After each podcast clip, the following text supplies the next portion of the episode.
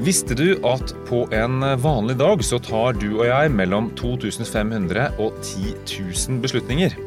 Det kan være om alt fra du vil ha på brødskiva di, til større beslutninger om f.eks. å kjøpe en ny bolig. Men eh, hvordan bestemmer vi oss egentlig? Hva er det som påvirker om du f.eks. skal investere i fond, kjøpe en ekstra leilighet eller kjøpe en ny bil? Jeg heter Ole Kristian Tronstad, og med meg i studio i dag så har jeg med meg Jon Wegner, som har forsket på nevroøkonomi i 15 eh, år. Velkommen. Takk. Du, hva er nevroøkonomi? Ja, neuroøkonomi det er i virkeligheten en udbygning av adfærdsøkonomi, som jo kom i gang i 1950'erne.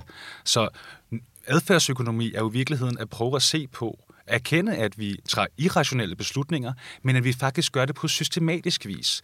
Neuroøkonomi er så en overbygning, kan man sige, på adfærdsøkonomi, hvor man prøver at kigge direkte ind i menneskets krop og hjerne for at forstå, hvordan det jo determinerer vores økonomiske beslutninger. Så det handler altså om hvordan hjernen og uh, andre prosesser i kroppen vår, som vi egentlig ikke har uh, kontroll over, Fuldstændig. hvordan det uh, påvirker beslutningene våre. Præcis. Så når jeg tror at jeg er superrasjonell og har gjort grundig forarbeid og tenker at yes, nå endelig har jeg virkelig et godt grunnlag for en beslutning, så kan det allikevel hende at uh, hjernen min lurer meg. Ja, altså ideen for neuroøkonomi det er nemlig at i virkeligheten, ligegyldigt hvor rationelle vi tror vi er, så er beslutninger alltid baseret på følelser. Det er simpelthen den currency, den valuta, som kroppen kører på. Det er følelser. Så det er i virkeligheden noget, vi bilder os ind, når vi, når vi føler, at, ja, jeg siger det igen, når vi føler, at vi træffer en rationel beslutning. Fordi det er naturligvis følelser, der faktisk ligger til grund for alting. Og hva må jeg da gjøre hvis jeg f.eks. tenker at jeg vil spare uh, i fond? Um, hva må jeg gjøre hvis jeg skal ta en i anførselstegn korrekt beslutning? Jamen Det dreier seg jo om at i hvert fall at bruke tid på at tenke seg om. Fordi den, den feil vi ofte begår, det er jo at vi nettopp treffer beslutninger i affekt, altså i følelsesmessig affekt. Fordi hjernen og det er jo et vilkår at have en menneskehjerne, det er, den er hele tiden indrettet på at prøve at se, øh, hvordan man kan få det lidt bedre, end man har det nu. Og det er klart, når man så træffer en økonomisk beslutning, så det, der ligger til grund, det er jo i virkeligheden et håb om, at man vil få det lidt bedre. Så problemet er nemlig, at der, hvor vi har størst trang til at få det bedre, det er jo der, hvor vi er i stærkest emotionel effekt. Så, så hvad kan sige, det er ligesom paradokset her, det er, at, at der, hvor vi har lyst til at træffe store og vigtige beslutninger, det er der, hvor vi virkelig føler, at vi har behov for at få det bedre. Så det er det her med, i virkeligheden, og man kan jo sige, slå koldt vand i blodet, det er jo det her med at give sig tid til at øh, tænke sig om. Og så i virkeligheden, som jeg også mener er en vigtig pointe, husk på, at det her med at træffe finansielle beslutninger, det er altså meget svært at gøre. Så en anden god og meget vigtig del, det er, tal med nogle eksperter. Der findes heldigvis eksperter derude, der har brugt hele deres liv og hele deres uddannelsesliv på at blive dygtige til at træffe finansielle beslutninger. Så det er bestemt værd, selvom det selvfølgelig ofte koster noget, eller man betaler noget selvfølgelig for at tale med eksperter, men det er bestemt værd at tale med, eks- med eksperter, når man træffer økonomiske beslutninger. Det er et godt uh, råd. Så hvis jeg spør uh, øh, en ekspert uh, kan du hjælpe mig med dette, så fjerner man noget af bias, som det heter på engelsk, Ja. eh, som man ellers ville gjort eh, selv. Ja, og i virkeligheden også et meget vigtigt element ved at spørge en ekspert, det er, hvis du så følger ekspertens råd, og det ikke går så godt, så bebrejder du eksperten, og ikke dig selv. Det vil sige, det man også ved fra neuroøkonomi, det er, det er meget, meget hårdt at træffe beslutninger for selv, fordi det, det betyder jo, at du har ansvar for, hvad der sker. Så i virkeligheden er det også noget, vi bør tænke over, det her med, at nogle gange, så kan det virkelig godt betale sig for vores, vores velværs skyld, at i virkeligheden betale andre for at tage beslutningerne for os. Fordi så kan vi altid bebrejde dem. Og det er jo det, vi kender for eksempel alle sammen fra en restaurant. Ikke? At når man går på en meget fin og dyr restaurant, så er det i virkeligheden kokken, der tager beslutningen om, hvad du skal spise, og det derfor er det kokken, du bebrejder. Så hvis du går på en billig restaurant, så er der ofte et menukort med 100 forskellige ting på, og hvis du føler, at, at retten ikke er så god som forventet, så har vi en større tendens til at bebrejde os selv. Og det er altså en høj omkostning, fordi det påvirker jo vores følelsesliv. Så nettopp det å overlate beslutningen til en annen, eller få hjelp fra noen, Ja. det eh, fjerner også noe av skal vi si, stresset. Ja, i, i den grad. Altså, vi kender det også is, især på det finansielle marked. Altså, der er millioner af forskellige finansielle produkter, du kan købe. Og hvis det er, at du selv træffer beslutningerne, så er det jo sådan set nærmest ligegyldigt, hvad udfaldet er. Så kan du se på tallene, fordi der er jo også uendeligt med historisk data, så vil du kunne se, at du aldrig nogensinde kan træffe en optimal beslutning. Ligegyldigt hvor mange penge du tjener på det, kunne du altid have tjent flere. Og det, er altså, det, er altså, det, det, det giver et stærkt ubehag. Og, og det stresser os også meget. Det vil sige, når du selv træffer beslutningerne om at købe finansielle produkter, så har du jo også øhm, en tendens til at følge med i, hvad der sker. Og det er jo, det er jo selvfølgelig stressende. Altså aller, aller værst, så er det selvfølgelig, hvis du for eksempel køber valutaprodukter, fordi så har vi jo ligesom et marked, der er åbent 24 timer i døgnet. Så jeg kender flere venner, som, som har investeret i valuta, som vågner op om natten for at tjekke det. Så, så kan man jo se, hvordan det i virkeligheden kan ødelægge hele ens liv. Så ja. Men hva gjør du selv når du eh, skal fatte beslutninger? Jamen i virkeligheden, så, så forhører jeg mig jo eksperter. Nu, nu kan man jo sige, at nu, nu er jeg jo selv sådan inde i miljøet, så på Copenhagen Business School og så videre, så jeg, kan jo, jeg, kan jo, jeg er jo i den heldige situation, at jeg kan få noget gratis rådgivning. Så det vil, det vil jeg altid gøre. Altid forhøre mig hos en ekspert, fordi jeg ved, at især når det er, når jeg skal bestemt, træffe beslutninger for mig selv, så ved jeg, at jeg er særlig biased. Det er altid nemmere, det kender vi jo også. Altså, hvis der kommer en, en ven til dig med et problem, det er ofte nemmere at, at fortælle en ven, hvad han skal gøre ved sit problem, ikke? End, end, end det han selv kan finde ud af. Så vi er ofte, i virkeligheden kan man sige, vi er ofte såkaldt lidt mere rationelle, når vi skal hjælpe andre mennesker, og hjælpe andre mennesker med at tage beslutninger, end når vi skal gøre det for vores, på vores egen skyld. Fordi der er jo nemlig så mange flere følelser i spil, når vi træffer beslutninger for os selv. Vi lever i en tid med store teknologiske eh, fremskritt. Ehm, vi har uh, gode datamodeller, vi har gode uh, skal vi si, teknologiske hjelpemidler. Uh, I tillegg så, så kommer dette med kunstig intelligens, altså AI. Eh, er det sånn at vi mennesker snart bør overlate viktige beslutninger til eh, teknologi, da, som ikke har denne biasen eller har dette problemet med hjernen? Ja, det, det kan man sige. Man kan selvfølgelig sige, at, at selv, selv med kunstig intelligens og AI, som du nævner, så, så er det jo altid nogle, nogle mennesker, som har programmeret det. Så det er, ikke, det, er ikke, det er ikke en garanti for, at det er unbiased, øh, de, de beslutninger, som en kunstig intelligens kunne tage for os. Men det er klart, at øh, det er meget sandsynligt, at de vil være betydeligt mindre biased, end når vi selv træffer beslutningerne. Mm. Noget andet, som øh, kunstig intelligens åbner op for, det er i virkeligheden øh, tilbage til det her med, at det er i virkeligheden ubevidste processer inde i kroppen, ubevidste kan man sige, følelser, der, der determinerer, hvad vi gør. Og det, som kunstig intelligens åbner op for, det er, at øh, det begynder at kunne monitorere vores organisme.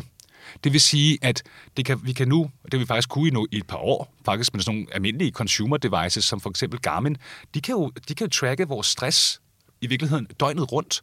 Det vil sige, at et kunstig intelligens system kan, kan, kan begynde at finde system i, øhm, hvornår er vi for eksempel mindre stresset? Hvad er det for nogle karakteristika, man for eksempel har på en dag, hvor man er særlig lidt stresset? Det er klart, det her øh, kunstig intelligenssystem, det kan jo begynde at træffe beslutninger på i, i, med, med det formål, at man for eksempel er så lidt stresset som muligt, at man har det så godt som muligt. Og det kan nogle gange faktisk være ganske forskelligt fra, hvad der for eksempel er profitmaksimerende.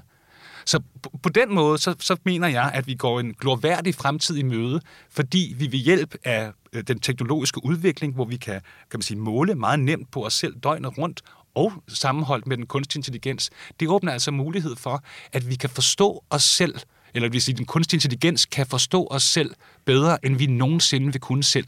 Fordi den kan jo direkte måle på de ubevidste processer. For eksempel stressmålet. Det er baseret på, det hedder heart rate variability, det, det er baseret på, på forskellen mellem pulsslag. Det vil sige, lad os sige, at øh, vi sidder her, og lytteren sidder derude og er i hvile, så kan man, hvis de er heldige, så har vi omkring øh, øh, et øh, puls på, på 60, og det betyder jo, at hjertet slår øh, en gang i sekundet i gennemsnit. Men det, der i virkeligheden sker inde i, i vores krop, det er, det er ikke præcist hvert sekund. Nogle gange så går der 1,1 sekund, og så 0,9 sekunder bagefter. Det viser sig faktisk, at øh, jo større variation der er øh, mellem pulsslag, jo mere afslappet er vi. Og det betyder, at du har nu et helt kvantitativt, objektivt, unbiased mål for, hvordan vi i virkeligheden har det. Og det er altså rigtig sjovt, fordi de fleste af os kender for eksempel ideen op, nu kommer vi hjem øh, fredag, ugen er gået, og så sætter vi os hjem, og så tager vi også en drink. Og så siger vi, ah, men det, der sker inde i kroppen, selvom vi subjektivt føler, at stressen går ned, det er stressen galopperer derop af. Bare en enkelt genstand, alkohol, sætter stressniveauet op i flere timer. Det vil sige, det vi er ude i, det er, at vi subjektivt kan føle, at ah, nu drikker vi en drink, nu bliver vi afslappet, men det, der sker ind i vores krop, det er det fuldstændig omvendte. Så det er bare et eksempel på, hvor ekstremt dårlige vi mennesker er til i virkeligheden at føle, hvad der sker inde i os. Og det er jo meget vigtigt, fordi stress er jo er helt centralt i udviklingen af alle slags kroniske sygdomme. Så man kan sige, det er øh, det her, den her teknologiske udvikling med at kunne måle på os og, og, og, øhm, og kunne køre kunstig intelligens henover, som kan finde systemer i det, som vi slet ikke selv kan se, det betyder sådan set, at vi har muligheden for at få det kategorisk meget bedre. Ja, Det er spennende, fordi veldig mange er jo øh, eh, engstelige og redde for øh, eh, hva teknologien skal gjøre med oss. Men din påstand er altså at det, eh, de, teknologien kommer til å hjelpe oss til et bedre liv. Helt sikkert. Altså, der er selvfølgelig nogle, nogle, øh, nogle lidt svære spørgsmål, man, skal, man også skal behandle i det her. Det er klart, at hvis vi skal lytte til sådan et system, der skal fortælle os, hvordan vi i virkeligheden har det, så skal vi have meget, meget stor tillid til det her system. Så det nytter ikke noget, at, øh, at for eksempel, at det er en profitmaksimerende virksomhed, der ejer det her data, fordi så, så ved vi ikke rigtigt, hvad det bliver brugt til. Så det er meget vigtigt, at at det her er et system, som vi kan have tillid til. Og der er, jo, der er jo noget, hvor vi er så enormt heldige her i Skandinavien. Det er nemlig, at vi er karakteriseret af, at vi har meget stor tillid til det offentlige system. Så vi har stor tillid til vores sundhedssystem. Så derfor, jeg ville synes, det var oplagt, at, at det faktisk var, var offentligt øh, hvad kan man sige, sådan så der ikke var en profitmaksimerende virksomhed bag det her. Og hvis det var en del af vores sundhedssystem, så betød det jo også, at, at det i virkeligheden, at vi at hver borgers øh, data og det system, man kan finde hos en borger, det vil kunne hjælpe en anden borger. Lad os sige, at, at, øh, at jeg... øhm, at man måler, at man måler på mig, og man kan se, at ja, øhm, øh, når jeg drikker i kaffe, så, så stiger mit stressniveau. Så kan man sige, at ja, men det, det, den information vil jo også kunne hjælpe andre borgere.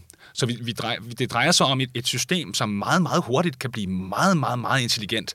Ikke? Fordi den får, kan, det her system kan få så utrolig mange data-input, som det hele tiden kan finde system i. I virkeligheden er det også noget, der kommer til at, at øh, erstatte os forskere. Ikke? Fordi den form for forskning, kunstig intelligens kan foretage, den er så meget, øh, milliarder af gange mere effektiv, end det en, en, en almindelig forsker som jeg vil, vil kunne foretage i det her. Mm. Fordi den vil kunne teste milliarder af hypoteser hver eneste sekund i, i, i gigantiske datasæt. Så, så det, jeg er helt sikker på, at vi går virkelig en stor og gloværdig fremtid i møde med hensyn til, hvordan teknologien vil kunne hjælpe os. Veldig spennende. La oss ta dette litt tilbake til uh, vår verden og sparing. Ja. Um, I et foredrag som jeg har hørt uh, som du har holdt, så sier du at vi er kortsiktige. Ja. Uh, vi klarer ikke se langt frem. Nei. når det gjelder sparing i fond, så er det nettopp det langsiktige som Ja. er hele poenget. Ja. Hvordan kan jeg lure meg selv til, eller eh, endre eh, forståelse, sånn at jeg forstår at det å spare lenge, det er smart, istedenfor å være fokusert her og nå? Ja, i virkeligheden så kan man udnytte øh, vores øh, utrolige øh, menneskelige evne til at have empati. Vi er rigtig dygtige til at have empati for andre mennesker.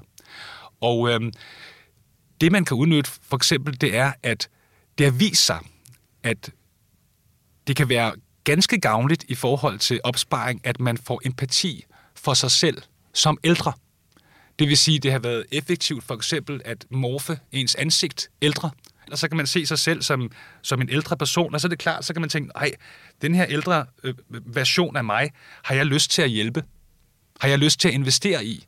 Så, så det er jo i virkeligheden en måde at, at give en, en gave til sig selv på. Så, så på den måde, så kan man reframe, hvad det, hvordan det følelsesmæssigt er at spare op, fordi man kan udnytte den her øh, evne, vi har til at have empati for os selv i fremtiden. Men det er altså vigtigt, at vi har ligesom et konkret billede af os selv, og der er det jo nemt. Der, det har, jo, har man kun i overvis øh, morfe ansigter øh, ældre.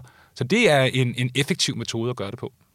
Og da, hvis man får empati øh, med sig selv øh, langt frem i tid, så blir det, øh, mener du, enklere å starte og, og gjøre noe i dag, sånn at øh, den eldre versjonen av deg selv får det bedre? Ja, simpelthen. Hvilke andre fallgruver er det vi gjør eh, når vi skal eh, eh, være snille med oss selv eh, som gamle mennesker? Hva er det, hvordan kan man unngå å ta feil valg? Det er klart.